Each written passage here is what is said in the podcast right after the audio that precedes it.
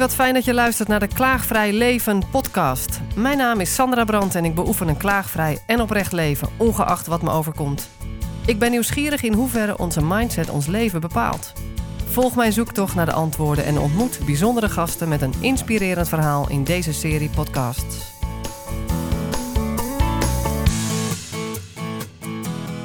Hallo, mijn naam is Nicole Prins en ik eh, ben hier vandaag om wat meer eh, te vertellen over grenzen aangeven. Om op die manier eh, beter bij jezelf te blijven, om je beter jezelf te ontdekken. Welkom Nicole. En grenzen, is dat de, de, de rode draad of is het bij jezelf blijven? Wat wordt de rode draad? de rode draad is duidelijk grenzen aangeven. zelf ben ik opgegroeid op de grens van België en Nederland. Wij woonden aan de Belgische kant en de overburen woonden in Nederland. Oh, letterlijk? Ja, ik ben echt letterlijk in grensgeval. Alleen wist ik toen niet dat de grenspaal uh, in de buurt... dat dat de het symbool zou zijn voor de rode draad in mijn leven. Namelijk grenzen aangeven. Wauw, dat is een mooie metafoor. Ja, absoluut. Ja, ik had toen absoluut niet in de gaten dat ik... Uh, totaal mijn grenzen niet aangaf. Dat ik uh, geen duidelijke keuzes maakte. Dat ik mensen ja, toeliet, ehm, waar ik niet echt uh, blij van werd. Maar um, ja, nu is dat, daar wel verandering in gekomen. En blijkbaar was het nodig. Absoluut. Kan je daar, wil je daar iets over vertellen? Um, het was wel nodig op, op meerdere vlakken. Kleine dingetjes, maar ook, uh, ook grote dingen. He, bijvoorbeeld uh, mensen in de supermarkt die... ja, die je beurt inpakken bij de, bij de kassa. En Vorderingen bij de kassa? Ja, precies. En daar niks over durven zeggen. Maar ook ehm, de kinderen bijvoorbeeld die toch op zoek gaan naar de, de mazen in, in de wet, zal de ik zeggen. De grens van mama, maar die is er niet. En dan even kijken hoe ver kan ik, uh, kan ik gaan. En ehm, ja, uiteindelijk ook iemand ehm, die behoorlijk over mijn grenzen heen is gegaan. En toen dacht ik echt, nu is het genoeg. Mhm. Het heeft wel uh, een tijd geduurd voordat ik dan ook wist... ja, wat moet ik dan doen en hoe moet ik het dan aangeven... omdat ik het ook op een nette manier wil aangeven... Maar ehm, dat lukt steeds beter. En, en kun je iets meer vertellen over dat je dacht, en nu is het genoeg? Um, nou, die persoon die ging uh, zo ver over mijn grenzen heen. Die heeft me echt uitgescholden met een volume uh, wat, je, ja, wat je niet kunt voorstellen. En ook een woordkeuze waar ik uh, eigenlijk helemaal niet van gediend ben. Um, en toen dacht ik, ja, dit, uh, dit kan gewoon echt niet. En het komt puur omdat ik, uh, omdat ik het toelaat. Ook toen heb ik niks terug durven zeggen. En dat ik dacht, nou, het komt wel goed. En uh, dit, als het een beetje bedaard is, dan komt het wel goed. Maar um, ja, dat was niet zo. En toen dacht ik, ja, het komt wel omdat ik het toelaat. Ik heb het al jaren toegelaten dat iemand zo dichtbij kan komen en, en zo'n macht over mij heeft. Dus je concludeert eigenlijk dat je zelf uh, degene bent die die situatie mogelijk heeft gemaakt?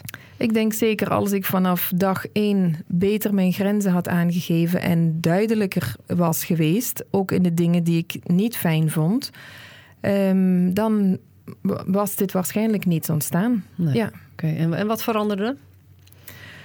Um, Bij de kassa, als ik jou in wil halen, wat gebeurt er? Nu geef ik wel aan dat het mijn beurt is. En nu kan ik het ook op een nette manier aangeven. De eerste keer dat ik, eh, ja, ook daarin, dat ik het besef kreeg van... nou, ik heb oefenmateriaal nodig en ik ga het eh, bij de supermarkt eh, oefenen... of bij de bakker of de slager. Kleine stapjes tegelijk. Precies. Dan, hè, dan kwam ik buiten en dacht ik... oh, het was wel heel erg lomp wat ik zei. Of nou, dat was wel onbeleefd. Of wat zullen mensen wel van me denken...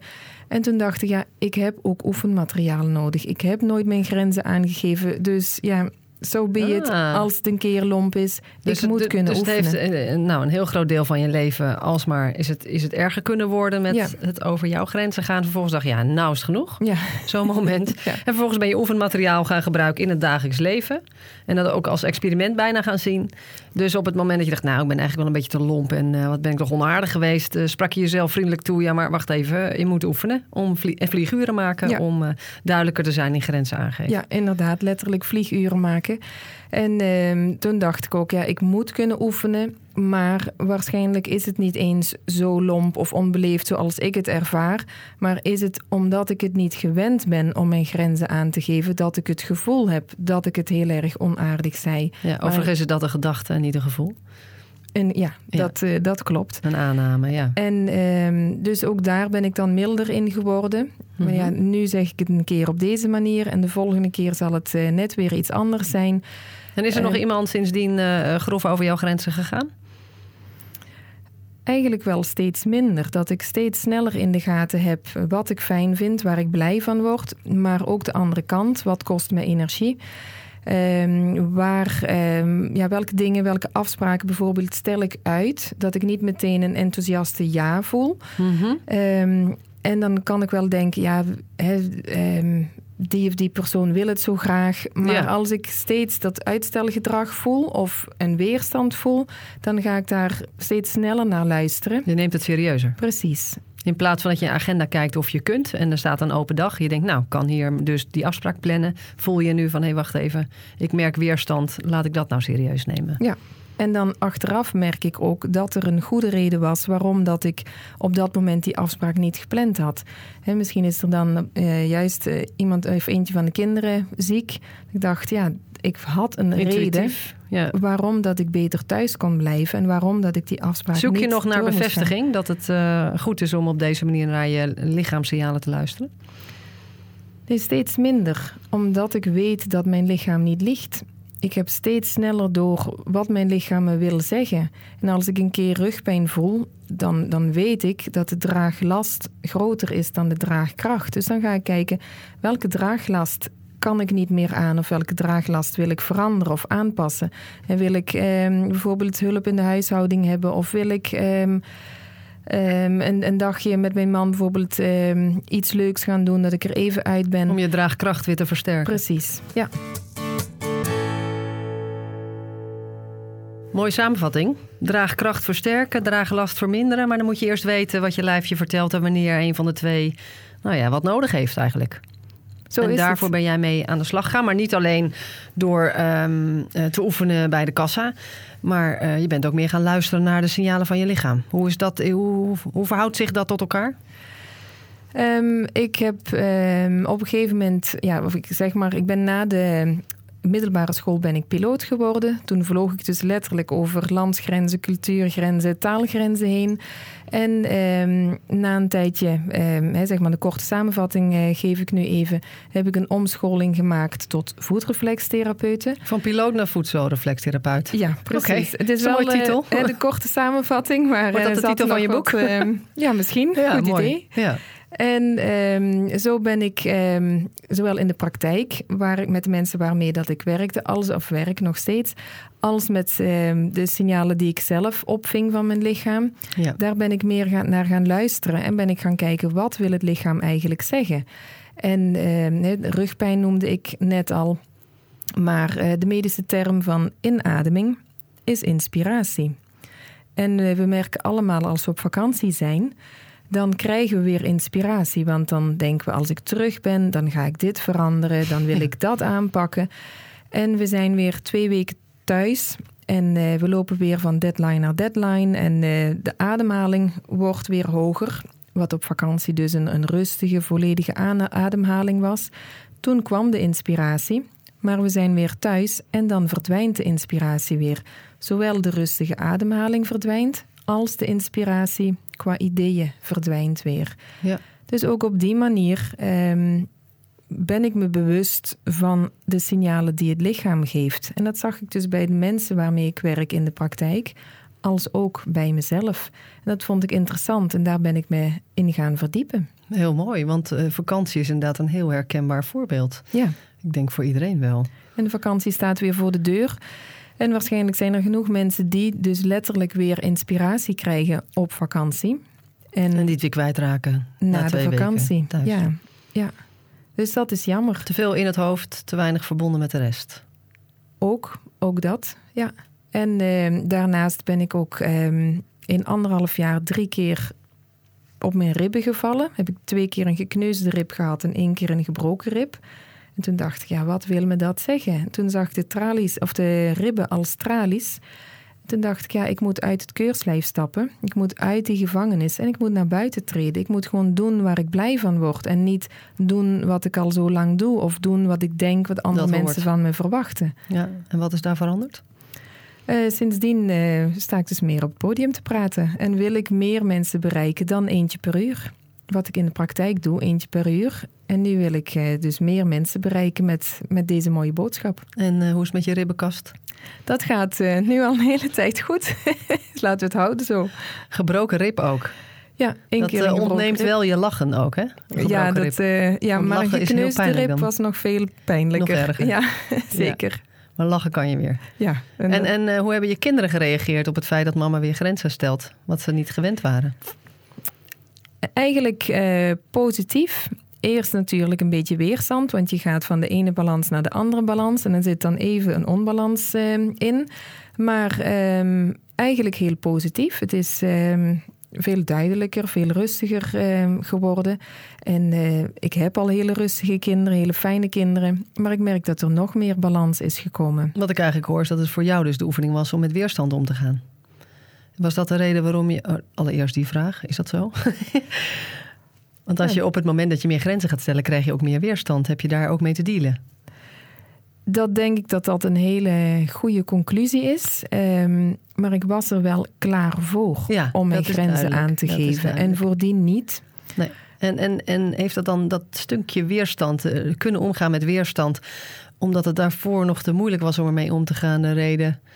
Heeft dat, is dat een reden geweest om die grenzen niet te stellen? Omdat die weerstand te heftig is of onduidelijk wat je daarmee moet doen? Ik denk dat ik me er niet bewust van was dat, het, dat ik zo weinig grenzen aangaf. En op een gegeven moment werd me dat wel, of werd ik daar wel bewust van. En toen dacht ik ook, eh, als je naar de grote leiders kijkt, hè, een president of een koning of een eh, directeur van een groot bedrijf, dan vinden mensen het prettig om een duidelijke visie en een duidelijke ja. lijn te krijgen. En toen dacht ik, eh, dat is niet alleen zo voor mensen die een, een, president zijn of, uh, of koning zijn, maar dat geldt natuurlijk ook voor mij. En als ik terugkijk uh, toen ik kind was, en ik was ergens aan het spelen en die mensen die uh, gingen frietjes bakken. En zij vroegen aan mij, wil je een frietje of een kroket erbij? En ik zei, het maakt me niet uit.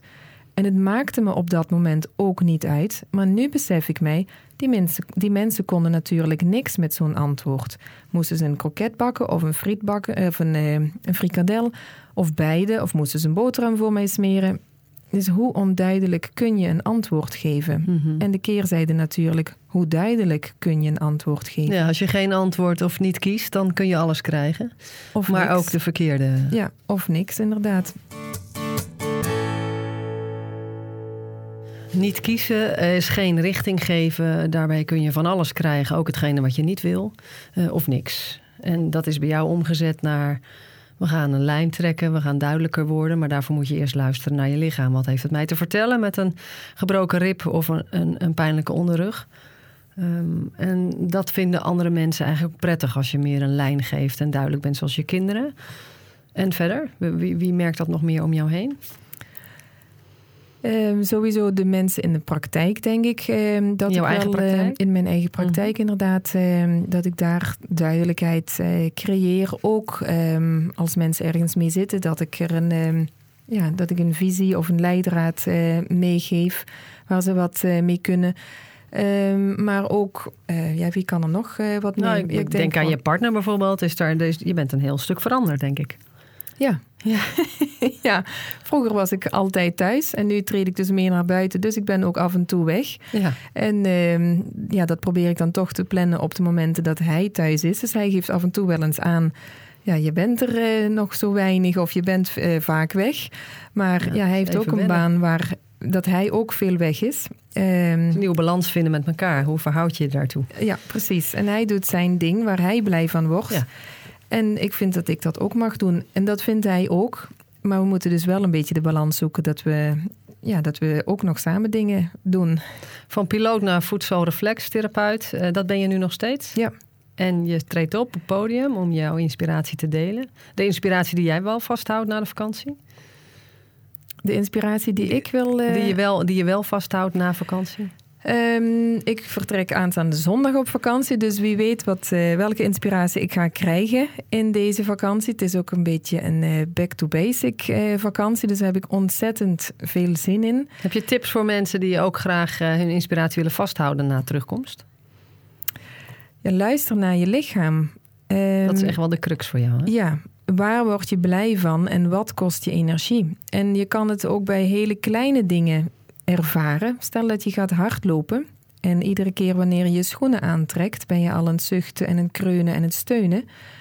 Stel nou dat je liever gaat tennissen, ga dan tennissen. Dus het kan hele kleine dingetjes zijn. En ik adviseer ook om met kleine dingen te beginnen met oefenen. En dan merk je dus steeds sneller wat je lichaam aangeeft. Eh, word je hart er blij van? Gaat je hart ergens sneller voor kloppen? Of voel je die weerstand? Ga je kreunen en steunen en eh, ja, puffen en zuchten?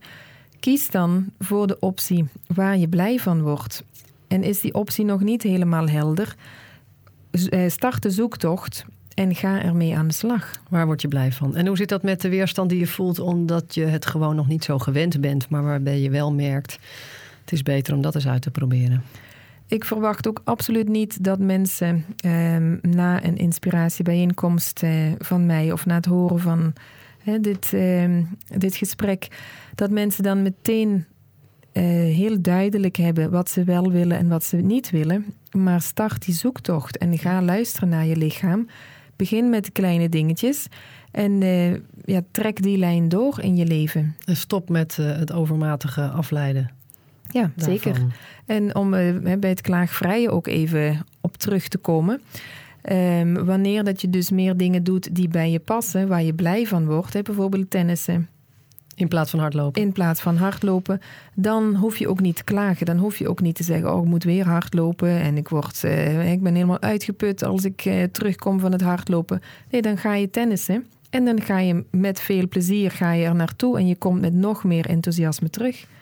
Luisteren naar je lijf maakt het makkelijker om klaagvrij te blijven. Ja, ja dat is absoluut waar. Ja, mooi. Daarnet toen ik hier naartoe kwam, toen uh, zat ik natuurlijk een beetje over dit gesprek na te denken. Ook over uh, grenzen aangeven na te denken. Ja. En ik merk dat ik al uh, meer dan een week een schorre stem heb. En voor mij betekent het dat ik dan mijn keel dichtknijp, dat ik iets aan iemand moet zeggen. Um, maar ik doe het niet uit beleefdheid of um, dat ik nog niet de juiste woorden heb gevonden. Of dat ik denk, is het wel mijn taak om dat te zeggen tegen Je had niet iemand. gewoon een, soort van griepje op de keel of te hard geroepen op het podium? Nee, helemaal niet. Nee. Um, dus, ik was dus je vraagt je af, uh, wat vertelt het mij? Waar ben ik naar op zoek? Mm -hmm. voor mij geldt dezelfde zoektocht dan. Tegen wie moet ik iets zeggen?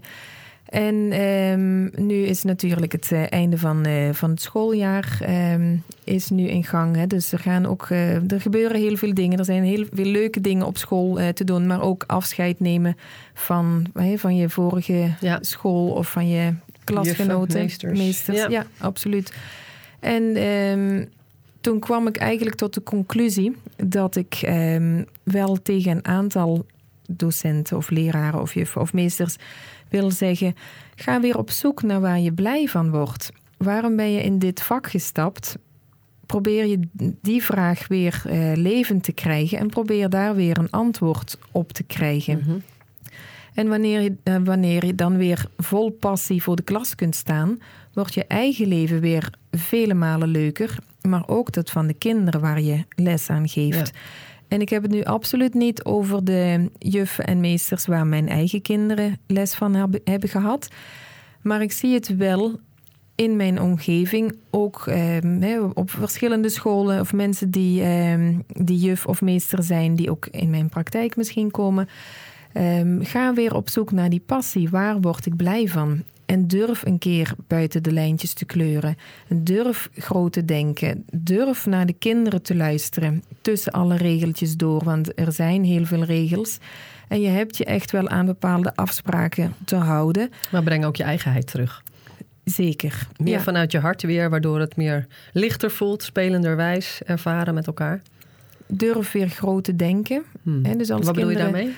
Um, nou ja, als kinderen bijvoorbeeld um, iets willen, kinderen willen misschien meer uitdaging. Ga dan kijken waar kan ik die uitdaging in bieden. Is dat in sport of is dat in een bepaalde les? Of is het um, ja, soms ook al maar wat we vroeger zo fijn vonden om te doen, ehm, dan, dan was die dag helemaal goed. Als de juffrouw aankwam, nou, dan renden wij om haar schooltas te mogen dragen. Dan, dan was de dag helemaal goed. Dus het kan ook in hele kleine dingetjes zijn. Ja. Maar ga weer op zoek naar waar worden die kinderen blij van. Ja. Hey, ik wil toch nog even terug naar jouw eh, praktijk als voedselreflex. Uh, want dat blijft me intrigeren. Dat je dan uh, drukpunten en energiebanen in je voeten hebt. En de reactie daarop bij zo'n massage, die zegt iets over nou, wat er gebeurt in je leven, toch? Ja, zeker. Kun je daar, zodat we ook, nou ja, ook als we niet die therapie krijgen, daar wat meer feeling mee gaan krijgen? Bij het uh, masseren van, van de voeten, dan voel ik bijvoorbeeld dat de maag in onbalans is. Ik noem maar een orgaan nu. Dus dan voel ik daar ehm, ja, een, een stevigere plek of een, uh, dat die plek uh, pijnlijk is uh, voor de persoon die ik op dat moment masseer. Dus dan ga ik vragen, wat ligt er op je maag? En dan komt er een verhaal van, hè, dit zit me dwars of dat, daar kan ik niet mm -hmm. goed mijn weg in vinden. Dus wanneer ik dan die voeten ga masseren en dan ook in combinatie met het gesprek, dan komt er beweging in. En dan lukt het mensen vaak om die blokkade op te lossen. Zodat... Dus een blokkade in de energiebanen, de meridianen toch? Meridianen die komen ook zeker aan bod. Die voor beide organen overal uh, uiting krijgen, in ieder geval in je voeten. Ja, het is een beetje een combinatie van, uh, van meridiaanbanen inderdaad, maar ook energiebanen. Mm -hmm. En de onderkant, of met name de onderkant van de voet, maar ook de bovenkant een beetje, um, is echt een weerspiegeling van hoe het lichaam in elkaar zit. Ja, en jij kunt die energieblokkades opmerken. En door het gesprek en die massage samen merk je ook dat het weer gaat stromen. Komt er zeg maar. stroming, ja. En dat kunnen hele duidelijke uh, ziektebeelden zijn of klachten zijn. Dat is een beter woord om te noemen. Uh, maar het, kan ook, het kunnen ook vage klachten zijn. Dat mensen mm -hmm. zeggen, ja, ik zit niet lekker in mijn vel... of ja. ik heb het vaak koud of dat soort dingen. Uh, en dat ze dan niet makkelijk de vinger erop kunnen leggen. Nee. En jij doet dat letterlijk wel? Ja, ik doe dat inderdaad letterlijk wel. ja. Ik heb gehoord in een, uh, in een mooie workshop van Jan Bommeré... Uh, dat, uh, dat we heel veel vastzetten in ons lichaam... wat we met ons bewustzijn nog even niet aan willen. Dus op het moment dat we even iets niet willen voelen... dan slaan we het op en dan maken we het onbewust... en dan zit het in ons lichaam. Ja. Waaronder het middenrif die gaat spannen... waardoor je inderdaad die oppervlakkige ademhaling krijgt... Um, en zodra je meer oefent in volledige ademhaling... komt ook die spanning meer los. Dus de de energie kan weer meer stromen en je kan weer meer in flow komen. Ja. Alleen dan moet je je niet verzetten tegen wat er is. Dat is de kunst. We zijn uh, vaak heel erg geoefend in uh, dingen in het welbekende potje te stoppen en een dekseltje erop te, te sluiten. En het dekseltje vooral dicht te laten. Maar op een gegeven moment geeft het lichaam aan als het potje overloopt. Uh, ja, ik trek het niet meer. Nee, het en roept nu... eigenlijk om bevrijd te worden. Zeker. En dat kan je misschien niet altijd alleen doen. Dus dan uh, kun je hulp bij vragen. Dan uh, kan ik daar inderdaad een, een, hulp bij zijn. Of ja. Ehm, even een ondersteuning in bieden.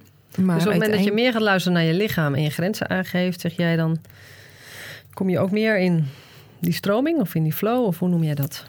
Um, dan kan er, um, als je klachten hebt, kan er zeker herstel optreden. Uh, ja. uh, maar je kan ook bevrijd worden hè, van alle lasten en alle moeilijkheden en alle klachten en kwalen die je hebt. En uh, zodat je dus steeds meer gaat luisteren naar je hart en waar word ik blij van. Ja, dat is echt de kern, hè? Ja. Dus ja. van die grenspaal als kern toch wel als rode draad gaan we naar de kern, waar word je blij van? Waar gaat je hart een sprongetje van maken? Ja, uiteindelijk mag je die grenspaal neerzetten waar je dat zelf wil. Ja. Als die grens voor jou heel ver ligt en je laat heel veel toe en dat is voor jou prima, dan zet je die grenspaal ver weg. Ja. Maar zijn er bepaalde situaties of bepaalde mensen waarvan je denkt, nou, hier moet ik echt wel een duidelijke grens instellen, dan zet je die grenspaal dichtbij. Ja, dus eigenlijk het kunst van je hart volgen, want dat klopt. Ja. En uh, dus als het even niet klopt, dan is het daar uh, de grenspaal. Zeker. En hoe zit dat dan met mensen die je het liefst buiten jezelf houdt, maar die toch elke keer in je, in je leven verschijnen? Uh, dat is natuurlijk een, uh, een uitdaging, absoluut. Um, maar ga daar ook naar op zoek. Uh, wil ik die mensen helemaal niet meer in mijn leven? Of vind ik het prima om dat wel nog toe te laten? Uh, mensen hebben mij ook wel eens de vraag gesteld uh, met een kerstdiner bijvoorbeeld. Ja. Uh, ik moet naar de familie, maar ik heb daar eigenlijk helemaal geen zin in. Wat moet ik dan doen? En je kan natuurlijk dan ook je grenzen stellen en bijvoorbeeld zeggen: Ik kom een uurtje. Want het is op dat moment echt moeilijk om helemaal afstand te nemen. Um, en dat hoeft ook niet. Dat, uh, dat mag ieder voor zichzelf bepalen. Maar je kan dus daar ook je grenzen in aangeven. Ik kom ja, een uurtje. Of en dan zul je moeten oefenen met hoe je omgaat met de weerstand die je eventueel krijgt. En ook uh, dan ervaren of dat prima is. Als het voor jou goed voelt om een uurtje te komen of een middag te komen in de plaats van de ochtend, middag en avond. Ja. Dus dat je daar je grens in stelt. Ik kom van zo laat tot zo laat. Ik wou van het kerstdiner toch nog even naar werksituaties... waar het toch ook kunst is om soms je grenzen aan te geven. Uh, en volgens mij burn-out uh, een, een hele nou ja, grootse effect is... van als je dat te weinig doet. Burn-out is absoluut een hedendaags thema. Veel mensen hebben daarmee te kampen voor zichzelf... of ze kennen mensen die in een burn-out ehm, zitten of hebben gezeten... Ehm, maar ook kun je ervaren als ik op deze manier verder ga, dan kom ik in een burn-out terecht. Dus dat ehm, betreft wel een hele groep mensen, denk ik. Zit je dan gewoon op het verkeerde plekje qua werk? Moet je dan niet ehm, gewoon weg? Ook daar kun je in voelen, wat wil ik? Waar word ik uh, wederom blij van? Uh, maar wat mijn ervaring is, is dat mensen die kans maken op een burn-out of een burn-out hebben gehad, um, moeite hebben met grenzen aangeven. En dus moeite hebben met hun keuzes helder te krijgen of die keuzes ook uh, duidelijk te uiten. En het, uh, ik merk dat veel mensen met de vinger naar het werk wijzen. Ik heb te veel stress of het is te druk of ik uh, pas er niet meer. Ja, het is de baas of de manager of een bepaalde collega. Um, maar ik denk dat mensen met een burn-out niet alleen moeite hebben om grenzen aan te geven op hun werk, maar ook daarbuiten. Dus ook in het gezin, maar ook eh, bij de lokale vereniging staan ze bijvoorbeeld op zaterdag het clubhuis te schilderen. En wanneer er geld ingezameld moet worden, staan ze hamburgers te bakken. Ehm, het, mensen zeggen dan moeilijk nee. Ja. Kunnen moeilijk hun grenzen aangeven. Dan wel moeilijk ja tegen hun eigen zeggen geen ja tegen zichzelf en steeds ehm, ja tegen de ander. En je kan maar voor één iemand kiezen, of voor jezelf of voor de ander. En het, is, het gaat helemaal niet om egoïsme. Hè, want hardlopen is niet beter dan tennissen bijvoorbeeld. Of die kroket is niet beter dan die frikadel. Ehm, maar kijk naar het moment. Als je op dat moment ontzettend moe bent, geef dan aan dat je aanstaande zaterdag er niet bent om het clubhuis te helpen schilderen. Stel dat ze het over een maand gaan schilderen, dan kun je er misschien wel bij zijn. Ja. Dus kijk op dat moment waar je behoefte aan hebt. Stel genoeg grenzen op je werk, zodat je ook nog eh, zin hebt om het clubhuis te schilderen. Ja, zo is het. Ja. Maar andersom ook. Het is niet alleen het werk, maar het is ook niet alleen het clubhuis. Het is beide. het, is eigenlijk, het gaat eigenlijk ook over jezelf inbrengen. Laten zien wie je bent. Ja. Denk ik. Ja, zeker. Laten zien dat je, dat je er bent en wie je bent. Um, ja, dat je er bent, maar niet alleen maar je gezicht laten zien en dan verder niks. Hè. Daar gaat het eigenlijk niet om. Maar eh, kijk weer naar die grote leiders. Daar hebben we echt behoefte aan dat die mensen een duidelijke lijn of een duidelijke visie hebben. En dat mag je zelf ook uitstralen. En misschien is je ambitie niet om president te worden. Nee. Um, maar je mag er wel een voorbeeld aan nemen. Ja, stel dat je de keuze nog niet hebt gemaakt. Of je wel of niet naar het kerstdiner wil. Of, uh, of het clubhuis wil schilderen. Kun je in ieder geval zeggen dat je het nog niet weet. Dus dat je een in principe afspraak van maakt. Of dat je weet dat het dan is bij het clubhuis die zaterdag. Maar dat je op de dag zelf bekijkt hoe het gaat. Ja, dat is een idee natuurlijk. Um, maar ook, uh, ja, het is een mooi voorbeeld wat je aanhaalt. Op het werk kun je ook aangeven, um, ik kom er nog op terug. Want we zijn geneigd om bij een vraag, hè, stel dat iemand vraagt, kun je, of wil je dan overwerken? Of je hebt zelf een vraag gesteld, bijvoorbeeld om salarisverhoging te krijgen. En uh, jouw baas komt met een, ja, met een idee wat misschien nog niet helemaal matcht met jouw idee. Geef dan aan, ik kom erop terug. Ja. En geef dan ook aan wanneer dat je erop terugkomt. Hè? Morgen of maandag of wat dan ook wat je afspreekt. En kom er dan ook op terug. Maar dan heb je thuis even de tijd om het helder te maken voor jezelf. Kan ik hiermee leven met dit salaris? Word ik hier blij van? Of um, vind ik dit niet oké en ga dan weer het gesprek aan met je nou, baas. Het mooie is dat zo'n keuze vaak uh, het, het, mooiste komt als het zichzelf maakt. Dus niet vanuit het hoofd beredeneerd, maar misschien wel tijdens het schilderen van het clubhuis.